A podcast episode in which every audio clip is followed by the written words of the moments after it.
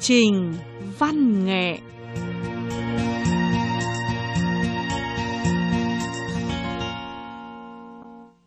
Các bạn thính giả và các bạn cư dân mạng thân mến, hoan nghênh quý vị và các bạn thưởng thức chương trình văn nghệ cuối tuần trên sóng Đài Phát thanh Quốc tế Trung Quốc. Hôm nay, Ngọc Ánh xin mời La Thành đến gặp gỡ các bạn và cùng Ngọc Ánh dẫn chương trình. Xin mời La Thành. Dạ, xin chào các bạn thính giả. Chào chị Ngọc Ánh. Rất vui lại được gặp các bạn trong chương trình văn nghệ cuối tuần hôm nay. Chúc các bạn cuối tuần vui vẻ và thư giãn. Thưa các bạn, ngày 10 tháng 4 vừa qua, có một tin vui đến từ hội trợ giao dịch phim truyền hình mùa xuân Ghana truyền về. Đó là bộ phận phát hành phim thuộc Tập đoàn Truyền thông Quốc tế Anh, gọi tắt là ITV tuyên bố sẽ đặt mua bản quyền mô thức của chương trình bài hát hay Trung Quốc từ công ty chế tác Sán Tinh Trung Quốc và sẽ phụ trách quyền phát hành trên quốc tế và quyền công chiếu trên quốc tế. Ngoài ra được biết, công ty ITV Anh từng thành công chế tác và phát hành chương trình Người tài năng Anh, Take Me All, vân vân. Trung Quốc đã du nhập vào, đây là ITV lần đầu tiên nhập khẩu chương trình bài hát hay Trung Quốc của Trung Quốc.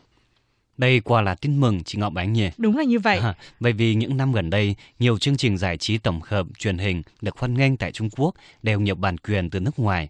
Ví dụ như chương trình dòng phát hai Trung Quốc của đài truyền hình Chiết Giang, Bố ơi đi đâu thế của đài truyền hình Hồ Nam, Bạn đã đến rồi, xin cảm ơn của đài truyền hình Trung ương Trung Quốc vân vân. Nay chương trình bài hát hay Trung Quốc được nước ngoài nhập khẩu bản quyền, quả là tin vui đối với những người làm công tác truyền hình Trung Quốc. Đúng là như vậy. Vâng. vâng. À, điều này đánh dấu chương trình truyền hình giải trí tổng hợp của Trung Quốc đã từ mô phỏng đi đến sáng tác. Mong ngành truyền hình Trung Quốc sau này sẽ xuất hiện càng nhiều chương trình hay có sức ảnh hưởng lớn được đông đảo khán giả truyền hình yêu thích. La Thành nói rất đúng. Vậy thì uh, chương trình bài hát hay Trung Quốc là một chương trình truyền hình như thế nào nhỉ? Uh, chương trình này có đặc sắc gì khác với các chương trình cùng thể loại trước đây? Vậy thì trong chương trình văn nghệ cuối tuần Đài Phát thanh Quốc tế Trung Quốc đêm nay, chúng tôi xin giới thiệu sơ qua để các bạn có ấn tượng ban đầu đối với chương trình này.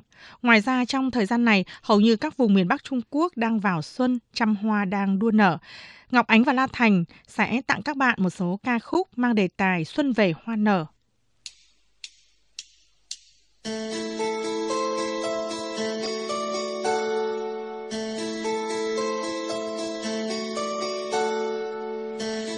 镌刻好眉到眉间心上，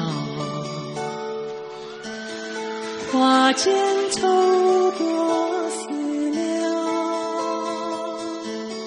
Chương trình Bài hát hay Trung Quốc của Đài truyền hình Trung ương Trung Quốc lần đầu tiên tập trung các ca khúc hay do thí sinh sáng tác nguyên sơ, do thí sinh là nhân vật chính của ca khúc dự thi của mình.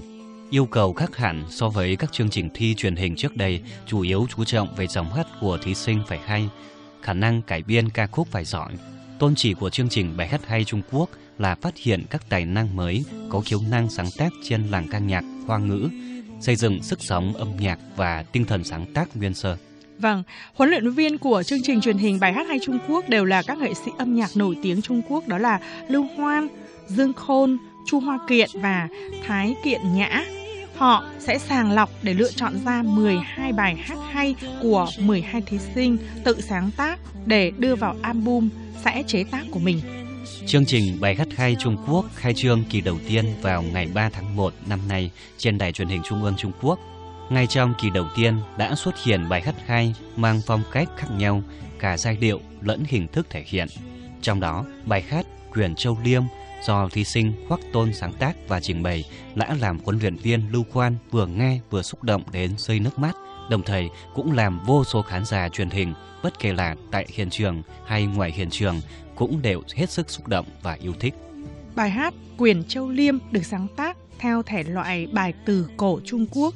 Lời ca mượt mà, mang nỗi buồn man mác của một người thiếu phụ chờ đợi người chồng đang đi xa. Đại ý lời ca tạm dịch như sau. Khắc từng nét mày trong tâm, họa kia nhìn thấu tầng tầng nhớ nhung. Mực đây loang rộng từng dòng, thiên gia văn cũng ố vàng còn đâu. Đêm khuya song xa nhạt màu, gió lên phất áo, mộng đang bồi hồi. Yêu thương vấn vít tâm tư, nàng đương quyến luyến, lệ này tựa hoa. Hồng trang trong cảnh đợi ai? Người kia không ở ngày ngày thở than. A hương son ấy rèm kia buông vì ai? A không thấy xe về. Trăng thanh đêm tối cũng ngượng ngùng. Sớm mai mưa phùn đón đầu xuân, cành lộc bâng khuâng, thức giấc nồng, gió thổi bên tai, hiu hiu động. Than ôi, nước chảy lại làm thương hoa, ai ở trong mây, vẳng tiếng đàn.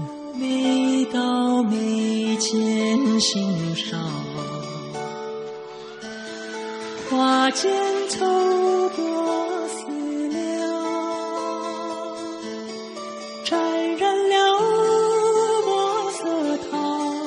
千家文都繁华，夜静谧，窗纱微微亮。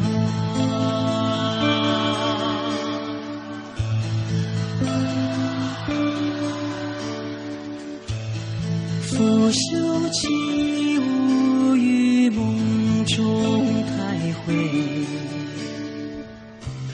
相思上心扉。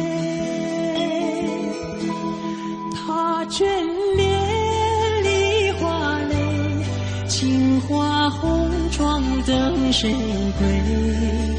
空留一人徐徐憔悴。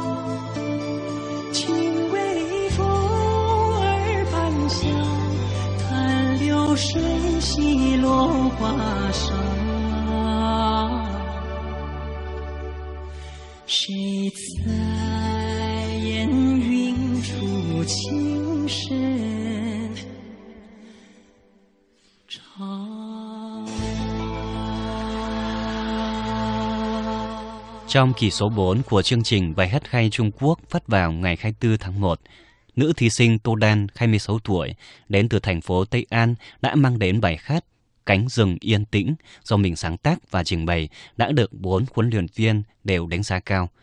Cuối cùng, Tô Đan đã lựa chọn và đến với tập Ampul của huấn luyện viên Dương Khôn. Tô Đan tốt nghiệp Học viện âm nhạc Tây An. Sau khi tốt nghiệp ra trường, Tô Đan làm giáo viên âm nhạc.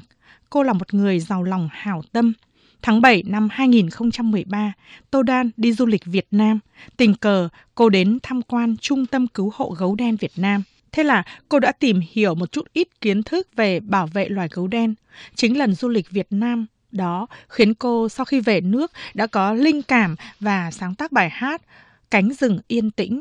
Cô coi đây là sự góp phần của mình trong việc công ích bảo vệ loài gấu đen. Hãy cho tôi biết, bầu trời bên ngoài xiềng xích có phải màu xám không? Hãy cho tôi biết, mùi của đất có phải tanh mùi máu không? Tại nơi đã bị tâm hồn vứt bỏ, hết thảy đều yên tĩnh làm sao? 像是进入错乱的时空，柔软被披上金属外套，胸口越显得优雅，撕扯模糊。像用冲破枷锁的手掌，轻抚同样温存的心脏， 却抽空盲目浮躁，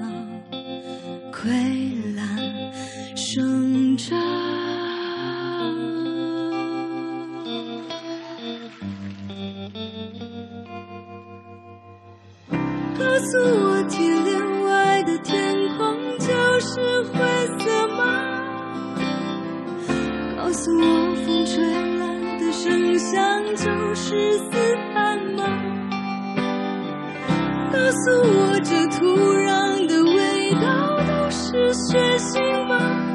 告诉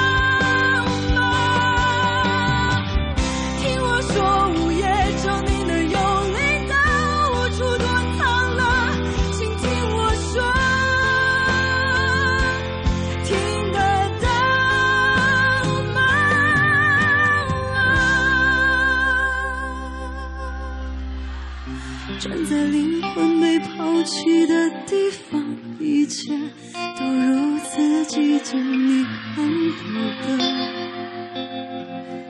夜郎吗？ Bối cảnh sinh hoạt và điều kiện của mỗi thí sinh đều khác nhau rất xa. Có người là tài xế xe buýt công cộng, có người là sinh viên trường đại học Bắc Kinh, cũng có thí sinh vốn đã là nhạc sĩ, sáng tác âm nhạc nổi tiếng. Chương trình Bài hát hay Trung Quốc chính là sàn chơi để tìm kiếm càng nhiều người có khiếu có tài về âm nhạc, tìm kiếm những người ôm ấp lý tưởng hoài bão về âm nhạc, nhưng vì nhiều nguyên nhân mà không có cơ hội thực hiện lý tưởng âm nhạc của mình. Đúng như tôn chỉ của chương trình này, đó là tôn tạo lại sức sống âm nhạc và tinh thần sáng tác.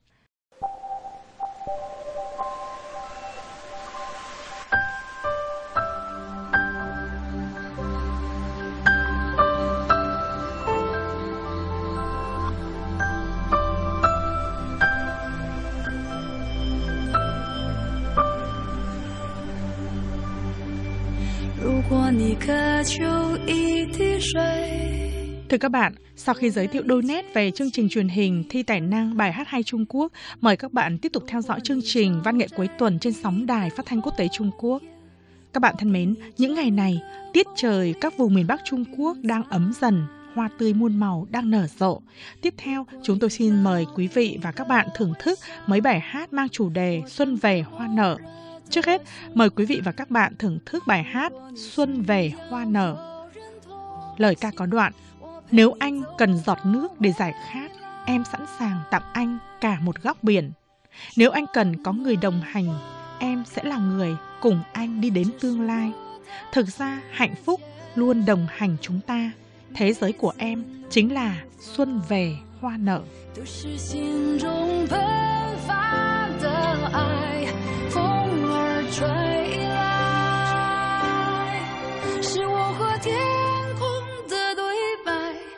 其实幸福，以至于我们同在。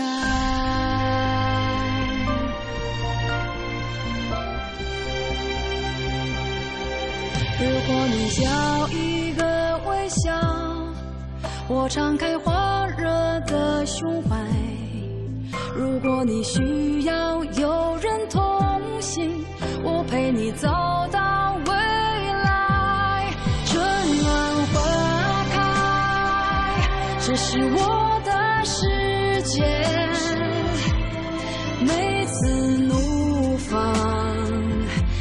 是心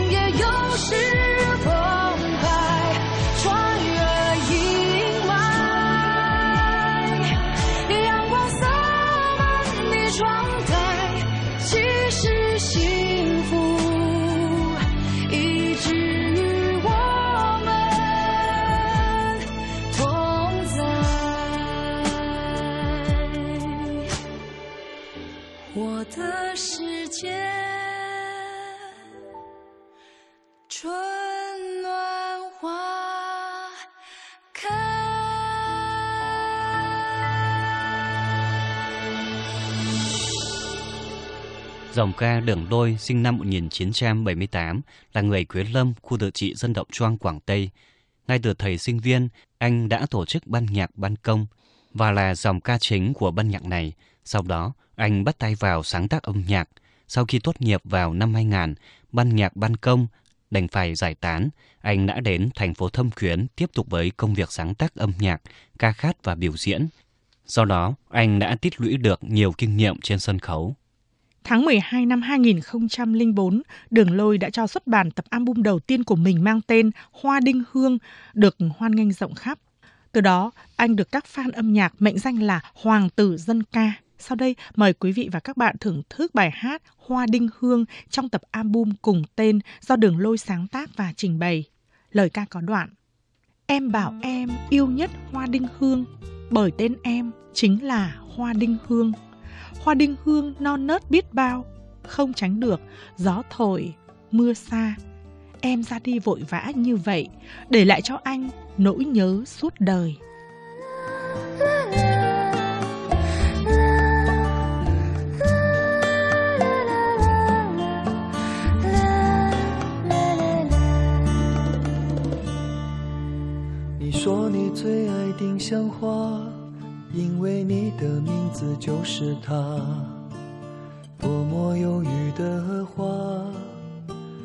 愁善感的人啊。当花儿枯萎的时候，当画面定格的时候，多么娇嫩的花，却躲不过风吹雨打，飘啊摇啊的一生。多少美丽编织的梦啊，就这样匆匆你走了，留给我一生牵挂。那坟前开满鲜花，是你多么渴望的美啊！你看那满山遍野，你还觉得孤单吗？你听啊，有人在唱。那首你最爱的歌谣啊，尘世间多少繁芜，从此不必再牵挂。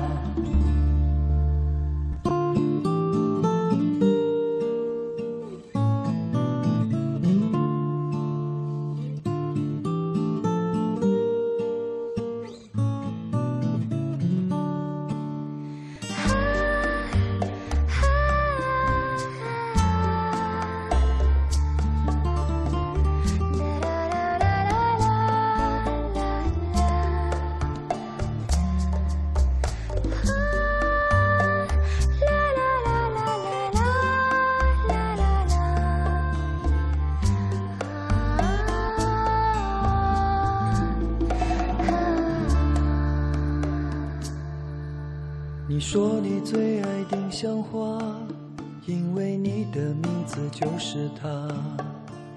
多么忧郁的花，多愁善感的人啊。当花儿枯萎的时候，当画面定格的时候，多么娇嫩的花，却躲不过风吹雨打。飘啊摇啊的一生，多少美丽编织的梦啊，就这样匆匆你走了，留给我一生牵挂。那坟前开满鲜花，是你多么渴望的美啊！你看那满山遍野，你还觉得孤单吗？唱那首你最爱的歌谣啊。尘世间多少烦恼，从此不必再牵挂。那坟前开满鲜花，是你多么渴望的美啊！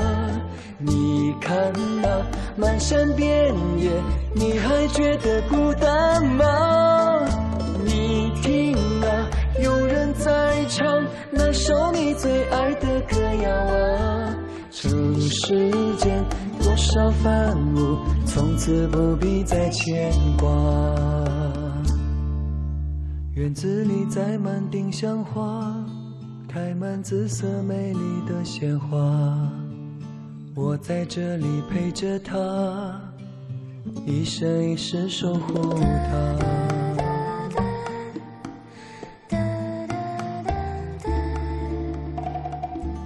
Chị Ngọc Vãnh ơi, Ê. À, phải chăng sinh viên nam trong trường đại học thường là si tình nhất nhỉ?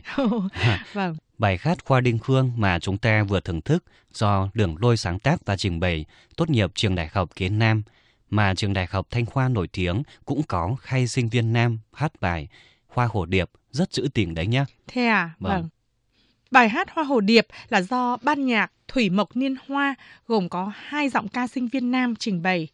Lời ca có đoạn Có nhớ chăng bông hoa hồ điệp dưới ánh nắng tuổi thơ Hoa nở trên đầu em trong trắng thơ ngây Lớn dần rồi trong lòng bất giác đã đổi thay Lời thề mối tình đầu không vượt qua gió đập mưa vùi 是否还记得童年阳光里那一朵蝴蝶花？它在你头上美丽的盛开，洋溢着天真无瑕。 慢慢的长大，曾有的心情不知不觉变化。执手的初恋，永恒的誓言，经不起风吹雨打。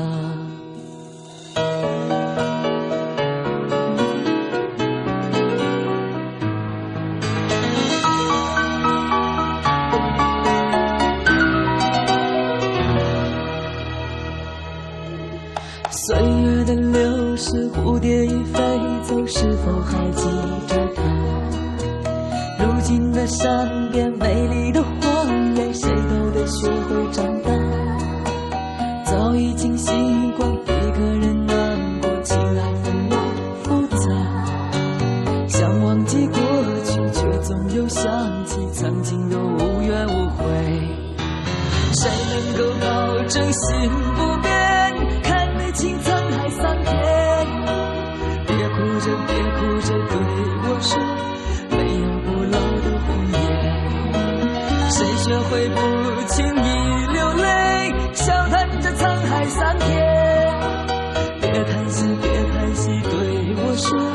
没有不老的红颜。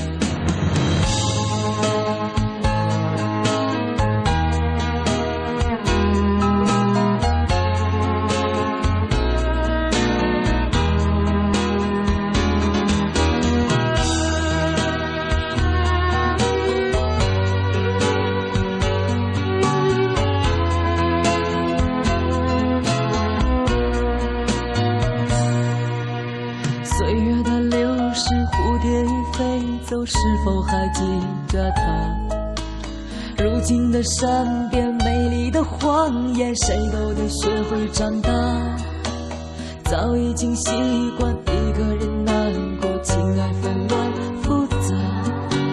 想忘记过去，却总又想起曾经的无怨无悔。